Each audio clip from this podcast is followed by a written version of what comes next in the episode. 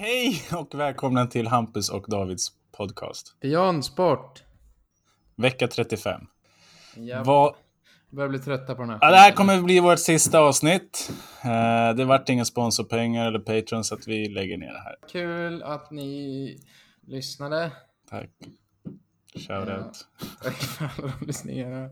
Vi kommer att ha en intervju idag med en hockeyspelare. Men först och främst så tänker jag mig att eh, vi hör vad som har hänt sen sist. Vad har hänt Nej, men jag tänk- David? För först och främst då. Du, Jag tänker att du kan börja. Jaha. Du har något stort Nah. på gång alltså, att, eh, som liksom inte... Nej, superstort är det inte, men det är, det är udda. Det är det. Men så, Mm. vad har hänt Okej. sen sist? I'm intrigued. Jo, det som har hänt sen sist är att jag insåg att vi inte, vi pratade ju absolut inte tillräckligt om Vadims första Taco Tuesday för Nej. avsnittet. Eh, berätta. Mm, nej men första avsnittet vi hade så pratade vi en del om Vadin och han hade eh, aldrig ätit eh, tacos och visste inte vad det var. Men sett på LeBrons Instagram då att han la upp någonting som hette Taco Tuesday. Vilket ledde till att vi eh, snackade med Vadim om att vi skulle bjuda honom på en Taco Tuesday. Någonting eh, jag gjorde här då tillsammans med Alexander Lyngård i laget. Och han var ju Men amazed. v- vänta, vänta stopp, stopp och belägg här nu. Är han, om man får vara eh, eh, fördomsfull, vitrysk nog att han inte är intresserad av hur det tillagas utan han går och sätter sig nedsjunken i en soffa och hoppas på att det här ska bli matigt? Eller är han så här, yes I would like to learn how to make taco? Ja, han var absolut att han, han, han, jag tror inte att han insåg först de liksom 12 timmarna jag hade Nej. lagt ner på att eh, långkoka fläskkött och sånt. Han var amazed när han åt det Mm. då.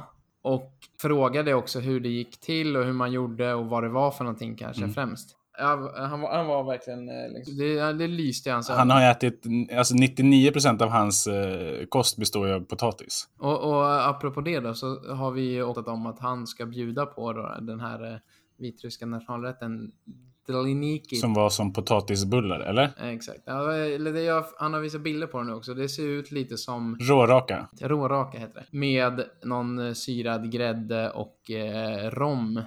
Sen då kom vi fram till att vi skulle ha en fish taco nästa tisdag. Mm. Som var förra tisdagen här nu då. Och då skulle Vadim hosta den hemma hos sig. Hallå, ta, ta Och oss hade igenom liksom- här nu. Man kommer in genom dörren. Det är inga så här saloonsdörrar som på en cowboy, utan det är en vanlig dörr. Vad är... Det här är matigt eller? Det här har ju du liksom målat upp i ditt huvud. Kan inte du beskriva hur det ser ut? Jag ser framför mig att när jag... Nej, vänta förresten. Jag, jag, jag gör så här, förlåt. Det här ska vi spara. Ja. För att eh, som historien snart kommer att förtälja så blev det aldrig någon Taco Tuesday. Okej. Så att jag har inte varit där hemma. Men när jag väl Ja. är där hemma nästa gång så ska du absolut få tala om innan hur det ser ut. eh. Så han ville att jag skulle vara med och, och handla och jag kunde inte då. Sa vi att ja, vi gör det efter träningen då. Och det orkade vi inte, eller jag inte då, för att eh, det var efter träningen. Mm. Så vi bestämde oss för att eh, försöka hitta en tacosrestaurang i eh, Sankt Rafael. Då visade det sig att tacos här, det är folk i laget som inte vet vad tacos är heller. herregud, vad fan har du hamnat? Det är som att du Ja, åkt tillbaka till... Ja, det här goes much bigger than vi någonsin hade kunnat Ja. tro. Tacos för folk här då, det är någon liksom kebab-liknande variant som de har nere på kebabhaket där de har någon ostig pommes frites och liksom kebabgrej inrullat i en typ burrito. Fast det är liksom, det är bara kött, pommes frites och ost och någon liksom sås. Mm. Det är tacos för dem då. Folk har inte ätit tacos. Och det finns inga mexikanska restauranger. Eh, vilket gjorde att vi fick åka till och käka på någon vanlig liksom, restaurang. Och jag har aldrig sett Vadim besviknare. På vad då? Alltså, vi, vi kan förlora mot, med tio mål, vilket vi gjorde här nu i helgen mot ett division 1-lag. Rör han inte ryggen? Nej, det är det inte. Däremot när han inte fick Taco Tuesday Ja. i tisdags, det var ingenting som var, som var roligt kvällen. Allting var shit. Han eh, u- uttryckte ju då att det var shit Taco Tuesday. Ingen bra är på ett väldigt... Nej, det var ingen bra dag. Så därför eh, har den skjutits upp lite, hans nästa Taco Tuesday då. Dock gjorde vi en Taco Wednesday på, vi åkte till den enda, eh, på Rivierans enda mexikanska taqueria som är nyöppnad i Cannes då, av supermysigt av en gammal mormor och hennes dotter en lite så här hål i väggen ställe. Men de är mexikanare eller är de två liksom två trötta fransoser? Nej, de som... var ju mexikanare. Nej, det var ett toppenställe. Det var liksom superspartansk. De stod och eh, lagade med importerade mexikanska grejer. Mm, så att eh, där är vi Vadim-mässigt. Ja. Eh, jag eh, ser ju fram emot eh, den här Driniki-kvällen vi ska ha då, han ska bjuda på eh, Vitrysslands nationalrätt Mm, det får du ta bild på och lägga upp på. Ja, det ska jag absolut göra. Jag vill också bara, vad jag inte har en bild på är att vi, ni pratade, eller ni ja, ni pratade mest om ditt icke-hår och hans hår Mm. eh, när vi var här också. Mm. Han fortsätter ju att träna upp sina nackmuskler för att kunna en vacker dag raka av håret. Det är hans önskan, ja, att han det var vill... det som ja. krävdes. Ja. Han ska bli tillräckligt biffig för att kunna raka Mm. sig och, och ha rakad huvud. Fram tills dess nu, jag tror att den här hårdiskussionen har eh, börjat liksom ge effekt på honom också. För att i, när vi åkte till den här turneringen så hade han haft keps på sig, men så tog han av sig den och lite halvstolt så här, Yes, I wanna try Scandinavian haircuts. och så hade han liksom en sidbena. Hade han det? Ja, hade. schysst. Eh, problemet med det var då att vi kom fram till hotellet så hade vi vila och sen var det match på kvällen. Mm. Och då visade det sig att han har sin eh, vitryska frilla igen. Aj, aj, aj. Och så frågade jag, vad, vad händer? Vad, varför gör du det för? Ah, it doesn't work with my, with my hair when I play game. jag bara, vadå? Ah, men it, doesn't stick. Vad är det för hårprodukter liksom? Ah, I have gel and hairspray. Och det var ingen, ingen skräll liksom. Jag bara, okej, you need some wax, Vadim. Wax, what is wax? Så att min steg två i den här, kan man kalla det för sekula- sekularisering av, eh, Ja, du tar i... nej sekularisering. Nej, det är väl... Det är Ja, gentrifiering. exakt. Och du tar in honom i Det kanske inte framtid... går heller. vitryska framtiden. Exakt.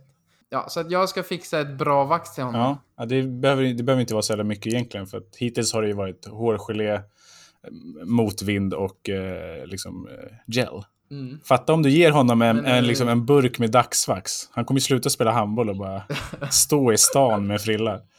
Han ville ju också när vi var där att jag skulle köpa med mig snus till honom. Fatta om han börjar snusa Göteborgs rapé, snusa, eller liksom snusar den utav bara helvete, har dagsvax, blivit Stripig dagsvaxfrilla. tacosfet. Så han, kan ju flytta in, han kan ju flytta ner till Sölvesborg om två, tre månader som det ser ut. Det kommer man kunna göra, definitivt. Vad eh, som mer har hänt, vi spelade den här turneringen då, det gick inte så bra. Vart någonstans? Vi var i Brest, i, på västkusten i Frankrike. Mm. Förlorade som sagt mot ett division 1-lag. Eh, För att de var bättre eller ni hade varit liksom personalfest eller? nej, vi hade ingen personalfest, men vi hade ingen personal. Folk var skadade och vilade och det var, det var synd. Mm. Vi, hade, vi spelade liksom den riktiga matchen mot Chambry som eh, kom trea förra året. Och förlorade med två eller något sånt dagen innan och sen dagen efter så var det match nummer två. Och då, vill, då ville vi liksom inte riskera saker. Din lagkamrat eh, Chabar, nej vad heter han? Eh, Javier eh, Bara- Barachet, ja just det. Han har väl spelat i Chambéry. Ja, det har gjort. Oj. Han, eh, hade han någon, liksom, eh, någon eh, tröja i taket eller var det liksom någon gammal material som kom fram i morse eller var han stor där eller var han liksom hatad? Eller ingenting? Nej, eh, ingenting. Det var också kanske, jag tror det kanske var 8-9 år sedan. Eller. Ja, okej. Eh, så det var inte som jag i Tumba liksom, att jag aldrig är välkommen där igen. Kuriosa om... Eh, om eh, Chaba, varför säger jag Chabaret för? Barachet. Ja, Ja, mm. Barachet, det, som vi märkte när vi var där nere, han har ju ett eh, kreditkort från Adidas. ja, just det. Mm. For only, jag på. for family only. Eh, där de trycker in lite smed så han får plocka ut från Adidas. Och de bara skickar hem grejer till honom. Det är lite härligt. Det är otroligt. Det var lite oklart också. Han, man förstod ju inte om det här var ett fritt blås Adidas-kort som han kunde liksom gå in på Adidas och köpa vad han ville för utan att det kostade någonting. Eller om det var ett vanligt kredit... Ja, jag, eh, förstod inte premisserna med det där. Mm. Men eh, han är supersponsrad av Adidas i alla fall. Det Ja, är verkligen. tydligt. Jo, och när vi då kom hem på söndag kväll så skulle vi göra en filminspelning. Den här filminspelningen och fot- fotosessionsen vi har haft tidigare har ju lutat åt det klyschigare hållet. Mm. Och här i Saint så är det ihopväxt med en stad som heter Frejus som var någon gammal romarhamnstad på den tiden när, när romarna härjade. Och då är det någon kejsare som eh, tyckte det hade varit bra att ha någon sån här arena att ha lite underhållning på. Så att här finns en liten miniformat av Colosseum i Rom. En slags amfiteater av något slag eller? Ja, där skulle vi då göra en filminspelning för eh, någon promotion inför den här säsongen och jag känner ju vartåt det lutade. Mm. Det var ju en känsla av att det här kan bli riktigt pinsamt. Pajigt. Pajigt är rätt ord ja. Ja. Och alla mina farhågor besannades när jag kom fram och vi blir beordrade att ta av oss tröjorna. Aj, aj, aj, aj, aj. Mm. Så att vi tar av oss tröjorna in på inneplan där då. Det är i en ganska mäktig eh, arena och in i mitten där då, där det har varit gladiatorspel förut, slängs det in massa gymgrejer. Mm. Så det som händer då är att vi ska alltså stå utan tröja och gymma. Köra lite biceps curl, köra lite armpress och... Eh, ja, så att det här kommer ju alltså att bli antingen superfett och liksom riktigt mäktigt som de, jag tror, har föreställt sig att det här liksom blir... Folk kommer inte se skillnad på det här eller eh, Russell Crowe i Gladiator. Mm. Men jag tror att det kommer ju kunna bli en mellanstadieprojekt om romartiden snarare än en, en Hollywoodproduktion. Liksom. Exakt. Men eh, det kanske vi får se sen. Inom kort så hoppas jag att vi kommer att kunna liksom avgöra hur, om det här blev det pajaste hit om millennieskiftet eller om det blev Gla- Gladiator 2. Mm. Ja, det finns faktiskt bara två vägar att gå där. Verkligen. Ja. Och det sista som har hänt här är att jag har blivit intervjuad av det nya handbollsmagasinet Stürmerfaul som kommer komma ut den 2 september.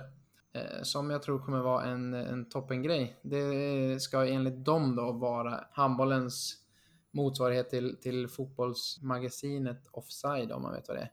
Med lite längre reportage och intressanta intervjuer. Inte helt olikt vår podcast kanske, fast i skriftligt format. Yes, fast ja, sen, Eh, men... Ja, så det var en väldigt bra intervju tycker jag och eh, vi pratade om, om relevanta och roliga saker. Det släpps den 2 september och man kommer alltså kunna prenumerera på den eh, som jag har förstått det. Jag tyckte mig se i den där Styr med foul, om jag bara får avbryta här, att en förgrej fick jag se och då tyckte jag att det var en bild i den tidningen som, som var tagen eh, av mig. På den här, eh, den här lagfesten ni hade. Då vet inte jag riktigt om jag ska dra in... Eh... Jag tycker du ska ringa Leif här. jag kan gå ner på att jobba på 20% efter jag fått eh, stämt skiten ur honom på det här.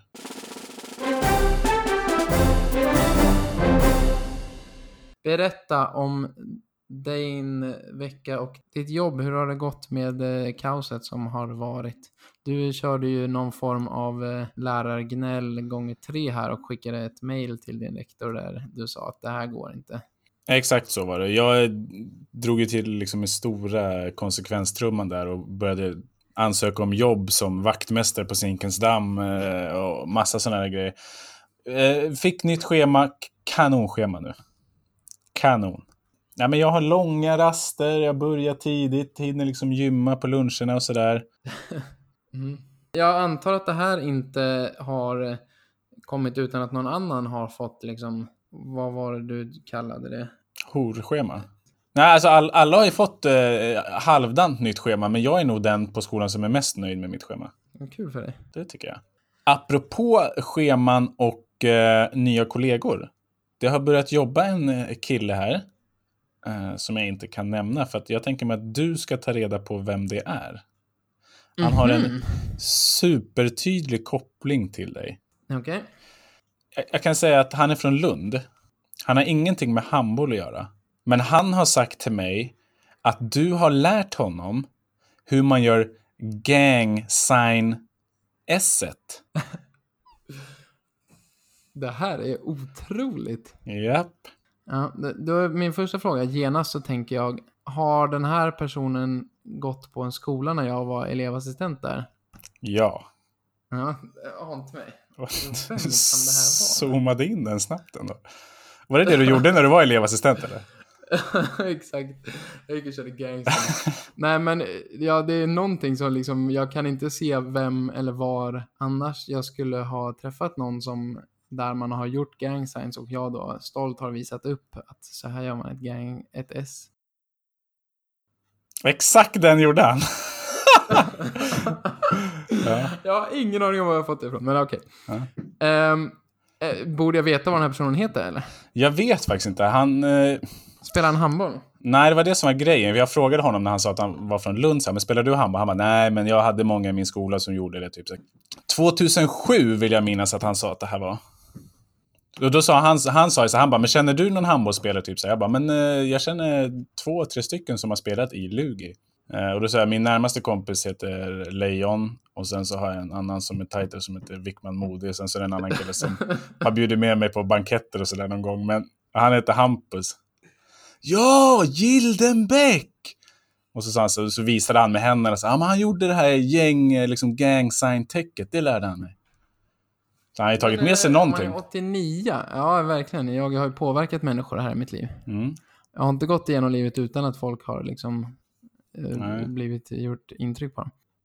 Vet du vad vi kan göra? Jag har till det här, och det här kanske du får klippa lite, men jag har tagit ett smygfoto på honom. som jag kan skicka till dig medan vi spelar in här. Så får vi se om du känner igen honom. Nu ska det alltså ha kommit en bild till dig så får vi se om du ser vem det här är. Eller om du bara gick omkring planlöst och gjorde gängtecken på skolan. Mm. Nej, jag tror nog att jag har gjort eh, gäng- gängtecken till ge- gemene man helt enkelt bara. Om man växt upp i Botkyrka som jag så är det liksom... Ja, Det är så tennis, tennisbanorna sådär. Ja, det är tufft. Eh, det är väl det som har hänt sen sist. Kanonschema och jag har träffat eh, Tor som eh, hade någon form av anknytning till dig. Vi kan, eh, tänker jag mig, om inte du har något mer, eh, hoppa raskt över till vår intervju med Mikael Alén.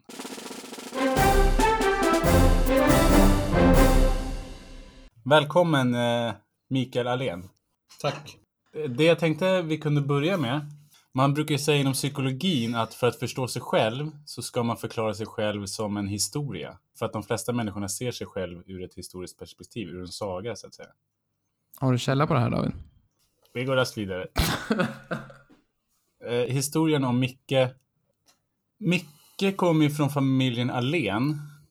Som är ja, men Salems eh, motsvarighet till den största syrianfamiljen i Södertälje. Man kan inte gå förbi mer än sex brevlådor i Salem utan att man ser en som det står Alén på. Han har väl typ 23 brorsor. Har du någon syrra? Nej, Nej. och inte 23 bröder heller. Nej. Nej. Men du har många syskon. Du är uppvuxen i Salem och Katrineholm delvis. Du är djurgårdare, spelar hockey i Djurgården, du spelar hockey i Troja Ljungby. Vad fan hette laget? Nybro. Nybro, ja. Nybro, Troja Ljungby. Jag var även och såg dig när du spelade TV-pucken i Örnsköldsvik Ja, just med din brorsa. Jag hade spelat en handbollsturnering och råkat gjort illa mitt knä, så det såg ut som att mitt knä hade svalt en jävla badboll. Så jag var tvungen att ligga med utsträckt ben i baksätet, var på Tomek, eh, brorsa, skällde ut mig för att jag hade ont. Och var... Du är ju aldrig skadad och så ju. Vad fan om mitt ben är svullet. Men eh, Hockeypucken, Troja, Djurgården, Kalmar. Och sen eh, tillbaka till Djurgården. Drog upp dem i elitserien. Körde fyra säsonger där, eller fem. Mm, fem. Fem. Och sen ledsnade du. Men så insåg du att man tjänar för dåligt med att bara jobba, så som vi andra. Så du tog ett jobb i SSK. Och mjölkade den kossan tom. Sista sessen. Du får berätta själv. Vad stämmer och hur skulle du beskriva det? Det, men det stämmer väl ganska bra. Jag var ju, det var ju TV-pucken Djurgården. Förlåt, jag måste flika in. Medicine eh, Hats, eller vad heter Medicine de? Hat var jag i när jag var 19. Ja. En juniorliga i Kanada som jag, som jag och spelade i då. Men sen kom jag tillbaka till Djurgården. Sen eh, spelade jag väl ungefär en halv säsong i A-laget och så vart jag utlånad till Huddinge slutet av säsongen. Sen efter den säsongen fick jag inte vara kvar, då fick jag sticka till Nybro. Division 1 fick jag börja om i. Men eh, det var ett utvecklande bra år. Så jag drog vidare till Troy Ljungby. Där var jag i tre år, också utvecklande och jättebra. Och sen kom jag hem till Djurgården igen i Allsvenskan. Var med och spelade upp dem till SHL. Och sen var jag fem år där i Djurgården. Ja, Sen eh, skulle jag lägga av tänkte jag, men eh, fick lite kalla fötter så att eh, jag visste inte vad jag skulle hitta på riktigt. Så att jag fortsatte en säsong till och spelade i SSK förra året. Men nu ska jag lägga av. Nu har du bestämt dig. Ja, Och du ska göra nu... nu ska jag börja på Tullverket i ja, om två veckor drygt. När, när var sista hockeyträningen du då? I, mm, vad fan var det, mars åkte vi ur. Vi gick inte vidare till slutspelet, eller vad man säger i allsvenskan, eh, fortsättningsserien. Så att, eh, jag tror att det var typ 10 mars hade vi sista matchen och sen hade vi fystester typ ja, två dagar senare. Så det är väl det sista jag gjort i hockeyväg. Hur har den här eh, liksom, vakansen varit? Kliar det i fingrarna på dig? Eh, Nej, eh, den har faktiskt varit rätt eh, behaglig stundtals. Jag har ju insett att det handlar om att, skaffa sig rutiner. Så att, jag har ju lämnat barna på skolan och dagis var det då. Och sen har jag gått och tränat. Men sen, sen var det ju sommarlov för barnen så att sen dess har det varit lite tuffare om man säger så. Då har ju de kommit hem och så har det varit mellis och sånt där. Och det ska... Men det har ju ändå, jag har inte varit med barna alltså sådär mycket utan att behövt ja, åka och träna eller någon måsten sådär. Så det har faktiskt varit rätt bra, tagit igen lite. Men vad, hur, hur fort gick det till att du kände att nu måste jag hitta på någonting att göra? Eh, visste du vad du skulle göra innan du slutade? Så att det har liksom bara varit en paus. Jag har ju hållit på med en process med det här med Tullverket som den började i januari och jag fick beskedet i början av juni. Så att eh, det, är väl, eh, det är väl det jag sysslar med och gått och väntat på. Men mer än det så, så alltså, jag gillar ju att träna så att eh, började, jag började träna ganska direkt efter säsongen gick slut. Så. Jag hoppas ju också att jag har med den här träningen att eh, ha träningen som en livsstil, liksom även efter man slutar. Jag bara flika in det, man vill inte bli som Wesley Snyder om ni såg han glida in på fotbollsplanen här. Ja, herregud. Har du sett det, Micke? ja. Nej, Han gick in och satsade på en fotbollsmatch och hade fått en riktig jävla pappakagge alltså. Men han slutade för två veckor sedan. Ja, exakt. Han var ju kalasfet alltså. Men det är en skräck du har Hampus, har jag hört flera gånger. Att du är rädd för att du ska tappa träningsdisciplin om du skulle sluta med handbollen. Ja, eller jag är inte rädd för det, men jag hoppas ju att, att det här sitter organiskt i mig, att, träna, att jag vill träna. Eh, och att det inte är någonting som kommer ovanifrån, att jag måste träna. För det jag kan se som har sett både Men dig... Micke, du kände att det var... Ja, men apropå det här med fetma, det jag kan se med både dig och Micke är att ni har ju en fäbless och en liksom passion för att ha, liksom nagga på saker. Det finns ingenting som Hampus gillar så mycket som att hälla upp en, liksom en, en skål med chips och nagga på innan han lagar middagen. Och Micke också, om man är hemma hos honom, då är vill man prata med honom får man ställa sig vid kylskåpet för det är liksom det är där han är och kollar ifall det har hänt någonting. Så att ni behöver ju träna. Ja, så är det. Men Micke, var det, har det varit svårt att, att motivera dig till att träna då? Eller är det, har det kommit av sig själv? Alltså, det kommer av sig själv. Sen har jag insett att, för det är någon vecka så där jag inte har tränat, eller det har gått flera dagar utan att jag har tränat. Och det är man inte riktigt van vid, men, men då har jag insett att man, man mår ju mycket sämre om man inte tränar. Så att helst av allt skulle man ju, alltså resten av livet, typ börja dagen med att och träna. Sen vill man inte vara som Paolo Roberto och gå upp klockan fem och stå på huvudet, men Men apropå träning och det, drivs ni någonting av självhat eller? Alltså jag kan till exempel, jag kan ta mig som exempel, när jag är ute och springer och jag känner så här, åh jag pallar inte, jag måste börja gå. Då kan jag säga till mig själv, men din feta jävla kossa. Vad fan håller du på med? Tror du någon jävel, liksom så här, ja. Och så börjar jag med sj- självspäkning liksom. Har ni också de monologerna i Mm. huvudet? Att Nej. ni är äckliga och värdelösa? nej. Nej, det är bara jag. Ja, men jag är mer så här att om, till exempel då om jag har hällt upp en skål chips och ätit mycket på kvällen. Så käkar ju inte jag frukost men drar ut och tränar morgonen efter för att på något sätt göra det 0-0 igen. Nollsummespelet där. Men det är Ja, någon exakt. form av straff också ju. Ja, eller ja, jo, alltså det är det väl indirekt. Men jag ser det ju snarare som att jag tar mig tillbaks upp på noll igen. Mm. Snarare än som att jag är en fet kossa. Men det är väl ha- 50% självhat där. Jag tänker att, att jag ser det som bulk när jag fuskar. att det här behöver min kropp, den här energin kommer den behöva för byggandet. Um, angående träning och så också då. Jag eh, tycker att det är ganska intressant. Jag har varit i några olika lag i, i handboll och liksom slagits av hur olika träningskulturen är där. till exempel i, när jag kom till Lugi första gången här och så var det liksom, man tyckte det var supercoolt att liksom säga att man inte tränade och att man suckade när man skulle gå och träna eller suckade när man skulle göra någonting. Och man gjorde liksom aldrig någonting ordentligt. Men sen när jag kom tillbaks till Lugi så hade vi liksom byggt upp någonting, tror jag, sen som där man ville träna extra och man ville köra hårt och man ville liksom bli bättre. Hur, hur är det i hockeylag generellt och ja, kanske om du har någonting specifikt? Var det någon skillnad på Nordamerika och Sverige till exempel där eller? Nej, eller där kom jag ju till säsongen starta. Men det har, alltså där jag har varit i, oavsett om det var Kanada eller Sverige, så har det varit eh, väldigt likt eh, upplägg att man man kör något pass fys i veckan under säsong. Ja, om jag räknar bort från Djurgården så har, har ganska likt att man, man vill inte eh, trötta ut kroppen men försöker bibehålla på något sätt det, det har faktiskt inte varit något gnällande någonstans jag har varit, utan man har kört på. Mm. Och sen när Robban Olsson kom sitt första år till Djurgården, alltså då steppade vi upp träningen typ 300 procent. Så att vi var ju, hela den hösten, första hösten han kom var vi helt nedtränade. Så att då var det väl att, ja, man var ju typ, vi orkade knappt käka lunch ihop, utan man ville bara hem och lägga sig.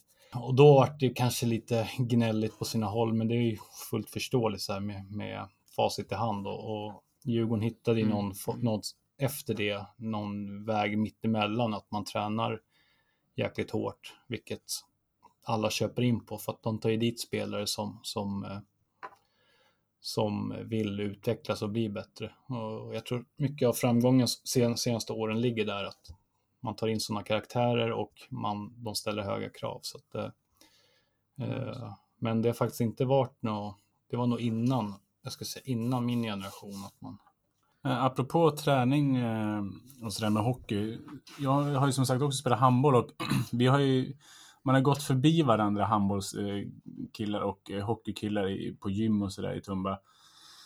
Och jag har en tanke om så här, exakt vilken muskelgrupp eller pulsnivå är det man som hockeyspelare vill uppnå när man, när man lägger 45-50, ibland en och en halv timme på att kicka fotboll på parkeringen bakom ishallen.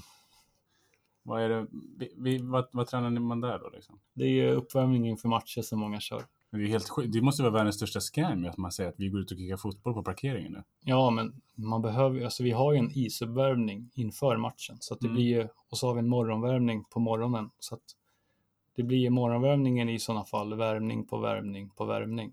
Mm. Och sen när man spelar fotboll då är det värmning på värmning. Och sen, och sen kommer ut på isen, då är det en riktig uppvärmning. Så jag satt ju bara och drack kaffe i omklädningsrummet. Man måste alltså inte kicka Nej, nej. Det var en pina Aha, för mig. Okej, det är valfritt alltså? Ja. ja okay. Men däremot så, jag träffade dig Hampus på, på Bosön när ni hade nå, de bästa ur alla lag. Och då stod ju typ sju handbollsspelare ute och rökte mellan testerna. Kommer jag ihåg. Ja.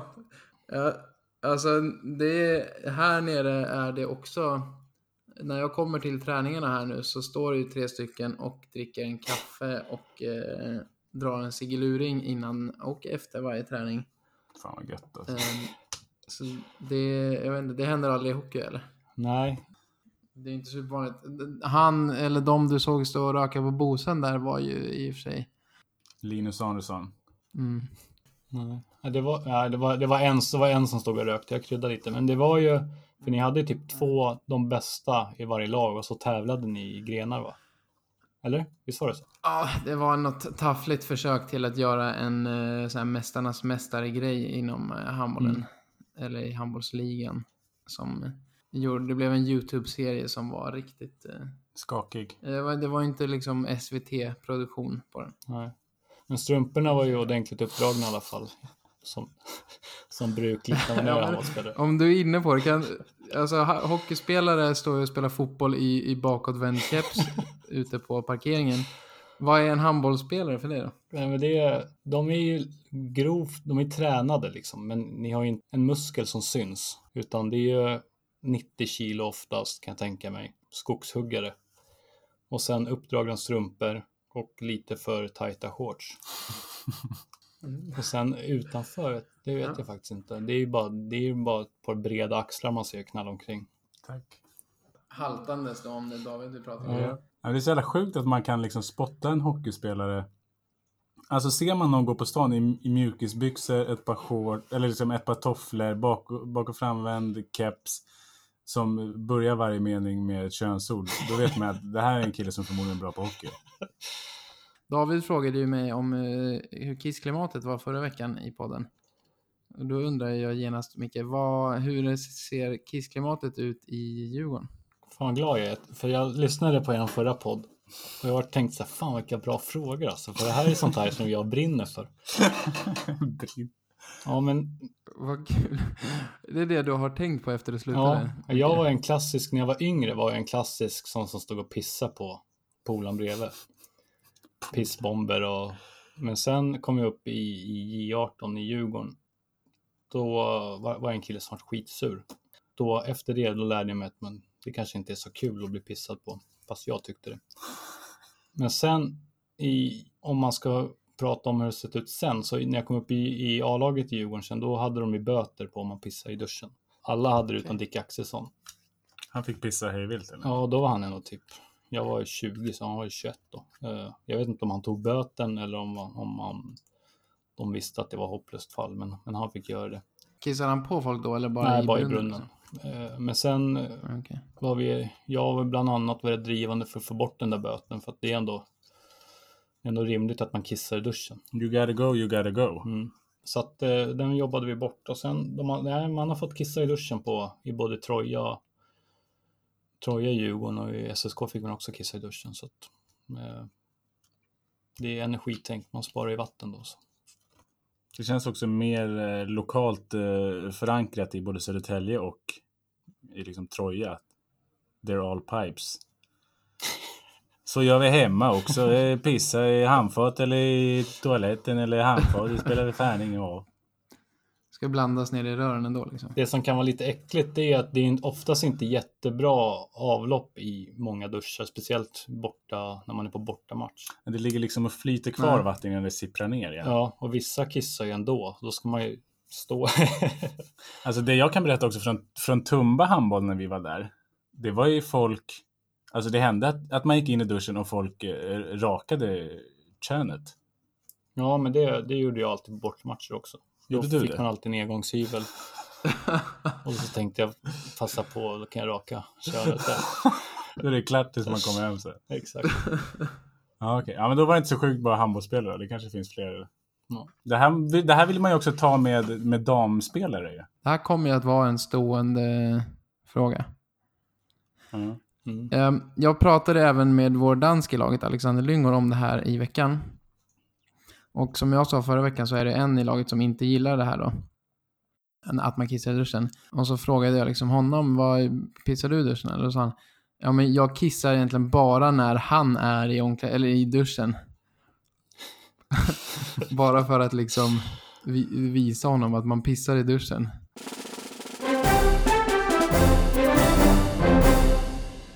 Hur kom det sig att du kom till eh, Nordamerika och började spela hockey där? Vi hade ett par spelare som åkte över och spelade där.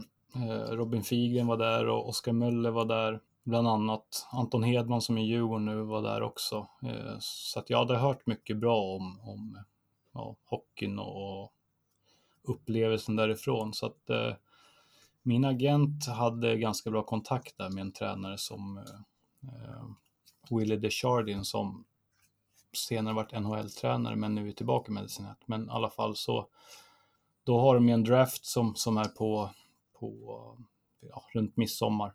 En europeisk draft, för de får bara ha två europeer i varje lag. Så att eh, eh, ja, det var via den vägen då som, som eh, man vart draftad först och sen eh, ja, var det bara att åka över. Är det någon camp Men det då? var liksom eller? ingen provträning eller något så här, eller? Ja, precis. Nej, de hade någon camp för yngre spelare som de skulle drafta, men, men eh, i och med att min, eh, min agent var kompis med, med den här tränaren så gick de lite på, på vad han hade att säga. Sen spelade jag ju pojklandslag från 16 till 19, så det är väl något form av CV också som man tar med sig. Och då fixade de flygresa och boende och hela köret där eller? Ja, precis. Eh, Så det var bara det var lite häftigt för att man har, drog liksom till Kanada själv när man var, jag var väl 18 då tror jag. Och hade ingen aning om vart man skulle bo eller någon skulle komma och hämta en på flygplatsen. Och, och eh, så att eh, för mig var det en, en rätt cool resa. Eh, I och med att min engelska var ju rätt knackig också. Men det gick bra. Man, man kan ju mycket ord från skolan så att min engelska var faktiskt ganska hyfsad sen efter ett tag. Vad var liksom den största skillnaden då? Eller hur, hur var det? vi var ju liksom enda laget i Medicine Hat. Jag vet inte hur många, det kanske bodde en 80 000 eller ja, mellan 80 och 100 000 i stan. Vart vi, låg den här stan? Den ligger två timmar söder om Calgary. Mm. Så att vi var liksom stjärnor. Västkusten eller? Nej. Ja, västkust. Ja, inte ut vid kusten men åt väster. Mm. Så vi var liksom stjärnor i stan där. Så, eh, och hockey i Kanada, man vet ju att det är stort där men alltså det är det är så, det är, man måste nästan uppleva det för, för att förstå hur stort det är. Så att, eh, ja, det var ju nog en bra lärdom till senare när man, man skulle ha lite press på sig och få känna på det redan då. För att vi hade ju utsålt, det var 4 500 tog arenan och det var utsålt, de hade haft utsålt i typ fem år i rad varje match. Så att, eh, det var en häftig upplevelse. Och sen bodde man hos eh, värdfamiljer som, som eh, eh, eh, ställde upp och, och ja, höll med husrum. De fick väl någon slant av, av klubben tror jag. Men det var väl mest på välvilja tror jag. Så, eh, hade de något barn som spelade hockey eller var du, hade de barn men de ville bara ha en hockeyspelare i familjen? Nej, de hade vuxna, en vuxen dotter så hon bodde inte hemma ens. Så det var jag och en annan som, jag och två andra som, eh, det, det var vi som hade typ källan som var inredd som en hockeykällare om man ska säga. Alla spelare som eh, var där med sin Hat, de kom ju utifrån. Så att det var, gruppdynamiken var ju eh, jättetajt. I och med att vi hade liksom bara varandra och, mm. och ja, man hängde mycket med varandra. Så att, eh, det, var, det var faktiskt skitkul. Ja, men Micke, du pratade om, om gruppdynamiken. Var ni eh, ett bra lag eller är det något mästerskap eller något sånt där? Hur, eh, hur såg det ut? Man har ju ja, sett de... Mighty Ducks-filmerna liksom. jo, men de har ju, det är, de har ju, det är ett miniatyr-NHL kallar de det. Så man kör ju gruppspel på typ mellan 60 och 70 matcher. Och sen slutspel. Och där åkte vi ut i första eller andra rundan tror jag. Så att det gick väl inte asbra, men året innan så hade de vunnit först sin ligas slutspel. Och sen i Kanada så har de har ju tre juniorligor. Det är Western Hockey League, ja, sen är det OHL och typ Quebec Major Junior Hockey League och sånt där. Och då vinnarna tror jag plus ett värdlag spelar ett slutspel. Eh, Memorial Cup heter det. Och då hade de vunnit, Medicine Hat hade vunnit allting året innan jag kom, så det var lite av en ny start när jag kom dit. Så att vi hade väl inte så jättebra lag, men, men gick väl hyfsat ändå. Vi gick ju till slutspel och, och ja, som sagt, jag kommer inte ihåg om det var första eller andra rundan vi åkte ut i, men, men äh, ja, det är mm. miniatyr NHL. Var det någon, är det någon därifrån man vet vem det är idag eller som du spelar med? Äh, den bästa var väl Tyler Ennis som, ja, han var i Toronto förra året, men, men jag vet inte om, man vet nog inte vem man är om man inte är insatt i hockey. Hur, varför åkte du därifrån sen då? Eller hade du bara ett ettårskontrakt? Eller? Ja, precis. Det var ett ettårskontrakt och eh, det är ju en juniorliga så att de har ju man fått två europeer med i varje lag och två 20-åringar. Så att hade jag varit kvar i ett år till då hade jag tagit både europeerplatsen och en 20-åring plats. Så att, eh, då drog jag hem. Så att, eh, då drog jag till Norge faktiskt på tryout i Friska Asker. Fick inget kontrakt där så att jag började träna med Botkyrka hemma och tänkte lägga ner karriären. Eh, men då träffade jag Tony Sabel som varit min tränare sen och han sa att eh, du tränar med oss i Djurgårdens J20. Så jag åkte dit och gjorde det och sen ja, efter två månader var jag uppe i A-laget. Så det var ändå nära på att karriären tog slut redan, redan där. Så det, eh, det är jag lite tacksam mot Tony Sabel för. Vi har ju faktiskt en fråga som är eh, vägskälet eh, som man har i livet skulle du säga det, eller det lät som att det skulle kunna vara ett vägskäl där du kände att du kanske var på väg att lägga av, eller? Jo, det, det, det är nog faktiskt hockeymässigt är det nog Eh, verkligen vägskälet. Alltså jag var i Botkyrka eh, och tränade. Min kompis Nypan spelade där. Så att eh, jag var inne med, jag var inne med tränaren och, och surrade kontrakt och frågade om jag kunde få en lägenhet i Botkyrka och han sa att det kunde bli svårt. Så att, eh, Jävlar vilka Eh, Sen träffade jag Tony Sabel på fiket i, i, i Rönninge. Vet han om att det här var ett vägskäl för dig? Ah, Jag har nog nämnt i någon intervju tidigare, men han är ett vägskäl till mig. Andra gången jag kom tillbaka till Djurgården, då var ju han, då var han tränare för A-laget. Eh, då hade jag visserligen haft lite kontakt med, med Challe Berglund som var, som var, Han är från Salem, Challe. ja han är från Salen för övrigt, men han var ju eh, sportchef. Så att det var ju lite på gång, men, men eh, då träffade jag Tony, Tony en gång till och han tryckte väl på lite extra att han ville ha dit mig. Så att, eh, han har stått för två vägskäl. Sen vet man inte. Nej, Vad som hade inte- hänt om du hade gått till Botkyrka och fått en lägenhet i Tumba centrum. Det hade ju kunnat varit. Ja, då Ja, det kunde hända grejer. Det hade kunnat hända grejer. Nej, jag, nog, jag vet inte om jag har sagt det till honom personligen, men, men jag har nämnt i någon intervju som jag hoppas på att han såg. Jag kanske borde säga det personligen. Det tycker jag. Ja. Om vi har pratat lite om eh, vägskäl, men om, om du då Micke hade fått säga någonting till eh, unga Micke, vad hade du sagt då? Eller hade du gjort samma sak som du gjorde? Hade du gjort samma resa eller hade du gjort på något annat sätt? Eller hade du sagt någonting med det du vet idag?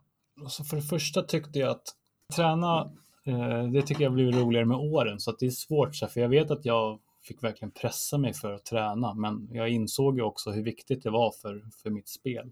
Men jag vet inte om, ja, det är väl att man skulle ha tränat hårdare kanske. E, ett annat viktigt vägskäl jag hade där min hockey utvecklades enormt, det var om det var samma, det var nog första året Robban Olsson kom som tränare, för då var, var jag bänkad rätt mycket den där tunga hösten vi hade. Och då bestämde jag mig typ för att sluta med hockey. Och efter jag hade tagit det beslutet i huvudet så tänkte jag att ja, men jag ska ju pina ut den här säsongen i alla fall. Så att jag ska bara försöka ha så jävla kul som möjligt och försöka typ slappna av som att jag spelar på allmänheten. Eller, alltså du vet när man var liten och man bara spelar hockey för att vara kul. Mm. Och då, min utvecklingskurva, nej, då, ja, min utvecklingskurva den säsongen är den absolut bästa jag har haft. Och eh, det, nu har jag inte öst in några poäng, men jag satte poängrekord för mig själv och, och eller jag vet att det var tack vare att jag slappnade av och inte funderade så jävla mycket och jag försökte liksom bara ha roligt. Så att det är något, när jag pratar med yngre idag är det så här, fan, förs- alltså det är klyschigt att säga, men på riktigt försök att, försök att ha kul också. Eh, Jag tror det är supervettigt. Ja, det är kul att ha fått den eh, eh, tankeställaren själv och sett hur viktigt det är. Eh, många duktiga spelare, typ, jag tror att typ Erik Karlsson har det inbyggt i, det känns som när man tittar på honom han spelar, att han, han spelar sin hockey. Och många av de här skickliga spelarna som, som de har liksom det här leket i sig. Jag tror att det är lätt när man som jag har tagit en roll och ska vara brunkare och, och köra hårt och gå i bräschen, är det lätt att tappa själva Glädjen, glädjen. ja, Ja, och det roliga är att spela med sport. Det är ju lite frustrerande. Att, ja, men jag, jag är också som du tror att jag känner att jag måste vara superseriös och superproffsig när jag väl liksom spelar eller tränar eller allt vad jag gör. Att se dem som, jag kan också absolut se det i Erik Karlsson till exempel. Att han ser ut som att han skiter i vilket och bara kör liksom. Mm. Och då blir, då, det, är ju, det är ju någonting, det är ju säkert jättebra så länge man kan liksom göra det på rätt sätt och ändå vara seriös. Eh, men det är ju utifrån sett så ja, blir man ju lite så här frustrerad av att det verkar så enkelt och avslappnat och lätt.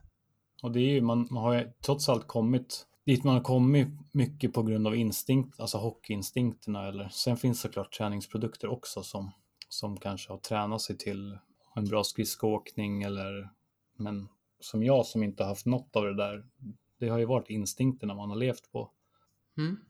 Micke, jag, eh, jag har ju väldigt ofta så att jag, eh, när jag gör någonting som jag skäms över så säger jag nej, nej, nej, nej, nej, nej, nej, högt för mig själv efter att eh, liksom jag har gjort det när jag har blivit ensam eller kommit hem och liksom satt och tänker tillbaks på det. När var senaste gången du sa nej, nej, nej högt till dig själv utan att det var någon annan runt? Ett slags ångest nej liksom. Ja, nej, jag vet faktiskt inte. Jag eh, är ganska obrydd av mig faktiskt när jag är bort mig. Eh, det är väl på fyllan någon gång när man, om man haft minnesluckor. Det tycker jag är jävligt jobbigt alltså. Apropå det, på fyllan och sånt där. Jag tänker mig att alla har egenheter för sig när man är full eller bakfull och sådär. Som man tänker så här, det här kommer gynna mig imorgon. För er som lyssnar nu så kan jag säga att Hampus fyller ju ett badkar med vatten och dricker innan han går och lägger sig. Där i tror du att botningen, den ligger väl där också, men det är svårt att ta upp så mycket vatten. Men jag skulle säga att din botning ligger i mycket, mycket vatten innan du går och lägger Hampus. Mm. Micke, absolut. han bor ju en bit ifrån station så att säga. Så har han varit ute i stan så tar han liksom tåget till Rönninge och sen är det en bra bit hem för honom. Två kilometer ungefär. En Ja. två kilometer. Men är man Mm. lite dyngjanne då, eller det spelar ingen roll, Micke gör ju allt, eller du kanske kan berätta själv vad du har för kur som du tror på. Ja, men det är, inte, ja, det är lite kul kanske, men jag, jag tycker det är så jäkla segt att gå när man är på väg hem då, för det är ofta på småtimmarna. Så att eh, jag brukar köra varannan lyktstolpe så kutar jag och går. Oj! Så att, och då har jag tänkt på att tänk om det åker förbi en bil och ser mig kuta. Alltså jag försöker ju ändå lubba på liksom. Halv fyra i dressmanskjorta. Exakt, och- och kostymdojor och ja. Eh, Men det är nog inte så mycket, det är, väl, det är väl bara någonting jag har börjat med och fortsatt med. Så nu gör jag det nästan varje gång jag är ute. Så får jag ett litet träningspass på slutet. liksom. Ja. Min, min, min eh, kur mot bakfylla är en Resorb och en Ipren som funkar fruktansvärt bra. När du kommer fram då efter löppasset Exakt, liksom. efter löppasset. Mm. Det kanske du är- isbad och så också efter? Nej, Det hade varit, eh, det hade varit en otrolig, jag tror det hade varit jättebra om man kommer ha ett Ja. isbad klart när man kommer hem. ja, Då. faktiskt. Ta Ja, fem minuter det och sen går och lägger sig och sover. Man kör en liten stretch innan isbadet kanske. Mm. Mm. Sen finns ju gränser. Men apropå det då med saker man kanske inte vet. Micke, har du, eh, vad är den vanligaste missbedömningen folk gör om dig skulle du säga? Jag har faktiskt ingen aning. Ingenting. Som här i skolan, eller när jag träffar folk så tror ju folk att min mamma är från Somalia eller någonting för att jag har otroligt hög panna. Mm. Du har ingen sån liksom att folk tror att du är, Eh, du lyssnar på Nordman bara för att du har dåliga tatueringar och sådär. Nej, sånt där är svårt att svara på själv. I Kanada så var jag lite blyg sådär för med engelskan. Då tyckte de att jag var arrogant, eller trodde att jag var arrogant. Mm. Det är väl det enda jag kan komma på på rak arm. Men, men eh, ibland kan jag vara lite sådär ointresserad av att prata. Då kanske man uppfattas arrogant, jag vet inte. Mm. Jag är introvert ibland har jag kommit på. Ja, det där kommer ju gå lite som du känner för det. Ja. Jag, tr- jag absolut tror jag att man kan uppfattas som arrogant av, för att man inte har självförtroendet att liksom eh, försöka prata. Om man kommer till något nytt ställe och sådär. ja. Eh, Jag tror att det tror jag också. många säger att fransmännen är arroganta, men jag tror det har att göra med, har jag insett, att de är så dåliga på engelska och därför liksom inte vill prata för att de är, är blyga för att göra bort sig. Ja, men så kan det nog vara. Och sen tror jag att eh, ibland har man liksom ingen lust. Alltså, typ, jag är ju svintrött på morgnar. Då är jag den här som, ska man åka kommunalt eller någonting, jag tittar ju undan om, jag, om det är någon jag Ja, känner igen. Låtsas sova. Så att, eh, men det kan nog uppfattas arrogant. Men jag vet faktiskt inte om, om jag uppfattas så, för jag försöker ju man vill ju vara till lags liksom, så man försöker alltid vara trevlig annars. Men Har eh, någon sagt till dig att du ser ut som Olivier Giroud eh, förut eller? Alltså jag tycker det själv. Men...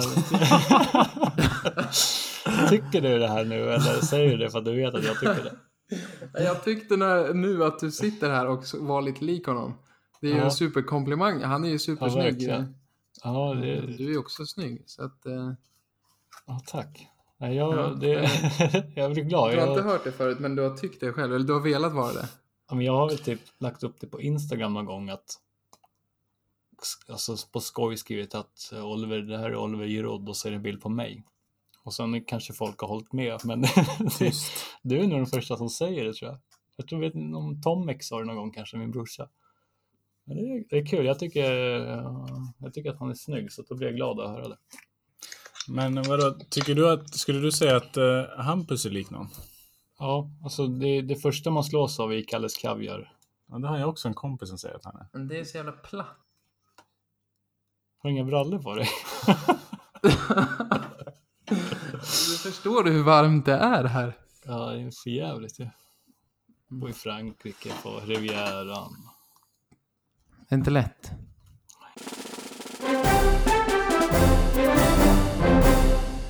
Jag skulle vilja veta, vad tjänar en hockeyspelare i ungefär? En i SHL eller? Ja. Jag tror snitten ligger väl på 100 kanske i månaden. Mm.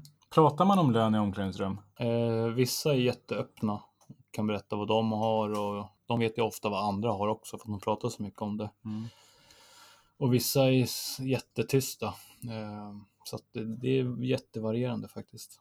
Hur stora är löneskillnaderna inom i ett lag? De, de är ju enorma. Jag har- ju legat på mellan 40 och 50. eh, Vilket gör att jag ligger en bra bit under medel. Men jag har liksom tyckt att det har varit en bra lön, så jag har varit nöjd för det. Men sen är det vissa som har känner att de känner upp mot, ja, kanske inte Djurgården de summorna, men 300 000 i månaden i SHL. Så att det skiljer jättemycket. Är det de som pratar om vilka, hur mycket de tjänar? Eller, eller är det de som försöker Oftast är, de som ligger, oftast är det de som ligger mitt emellan, mellan 150 och 200. De har liksom inget att skämmas för. De vill veta hur mycket mer de kan klättra upp. Precis. Så ja, det är kanske lite därför. Mm. Eh, vad är din death row måltid? När du sitter och eh, har blivit dömd till döden. Tre timmar kvar att leva men ska ha en sista måltid. Vad väljer du då? Jag är ju ett, jag gillar ju hamburgare. Så att om det, Du gör någon baconmajo eller något sånt jag har ju min, jag har ju en specialare, jag gör en majo med, med, jag slår egen majo och bacon som, som är min, som jag har snott av en polare. Men eh, David är ju faktiskt otroligt duktig på att laga mat, så att eh, om man får ge lite cred här nu. Så den här början vi käkade sist när du gjorde någon majs, eh, Rostad majskräm? du kanske kan förklara vad det var för burgare du gjorde? Jag tror jag skulle välja den som sista måltid. Nej, Jag kommer faktiskt inte ihåg. Oj! där med rost... Ja, och den var, det var, den var, alltså jag sa det, så här bra hamburgare kan man inte få om man äter, ja, nu har jag ju provat några bra hamburgerhaken i stan i alla fall och det finns inte. Men det var någon rostad majokräm och sen var det någon, någon, gjorde du någon som var lite motsvarighet till den? Jag kommer inte ihåg det här. Fan. Nej, det var nog baconmajon. Baconmajo och den rostade majskrämen. Ja. Rostad majskräm är ju superenkelt men jätte, jättegott. Ska vi dra fort hur man gör en rostad majskräm eller? Det här vi- det är också eh, från och med nu ett stående inslag. Davids djungelknep. Ja. Djungelknep. Enkel eh, majskräm. Ta burkmajs, häll av så att det blir hyfsat torrt. Ner med lite olja i en panna som är svinvarm. Liksom stek på majsen tills att den blir typ svart. När den är svart, då tar du och mixar den med lite vitlök, olivolja, salt, peppar och eh, turkisk eller grekisk yoghurt. Och sen har du en rostad majskräm. Klart! Men eh, avslutningsvis så skulle jag vilja fråga Micke. Jag skulle vilja be dig berätta om en kvinnlig förebild du har. Eh, Jag tänkte faktiskt på det från, jag tänkte om den frågan skulle komma, för den är ju så svår egentligen. Eh, Men jag skulle säga min farmor. eh, Som, hon är alltså super, nu tappar jag ordet. Full. Ja, det är på kvällarna. Vad, fan, vad fan säger man? När man kan mycket. Jaha, allmänbildad? Ja, hon är superallmänbildad. Eh, alltså hon kan hon kan det mesta, eller vad man än pratar om vet hon något om det. Alltså så här, inte på ett så här mansplaining sätt utan hon bara vet vad hon pratar om. Eh, och sen är hon, hon är ju 70, vad fan är hon, 76 tror jag. Och är ju som en ungdom när hon snackar så att eh, Mm. Eh, nej, henne, det är faktiskt, henne ser jag upp till mycket. Eh, eh, hon är lite av, eh, jag tror en faster som beskrev henne som urmodern i våran släkt också. Att det är kring henne alla samlas för att hon är så, så härlig. Så att eh, det får jag säga min farmor faktiskt. Har hon varit närvarande under hela liksom, uppväxten eller?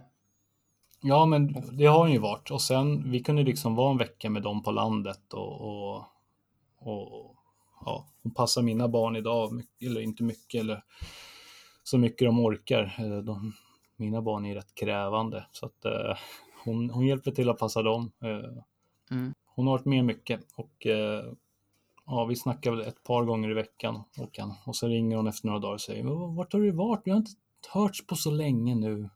Hon är mån om, att- om att hålla en bra kontakt.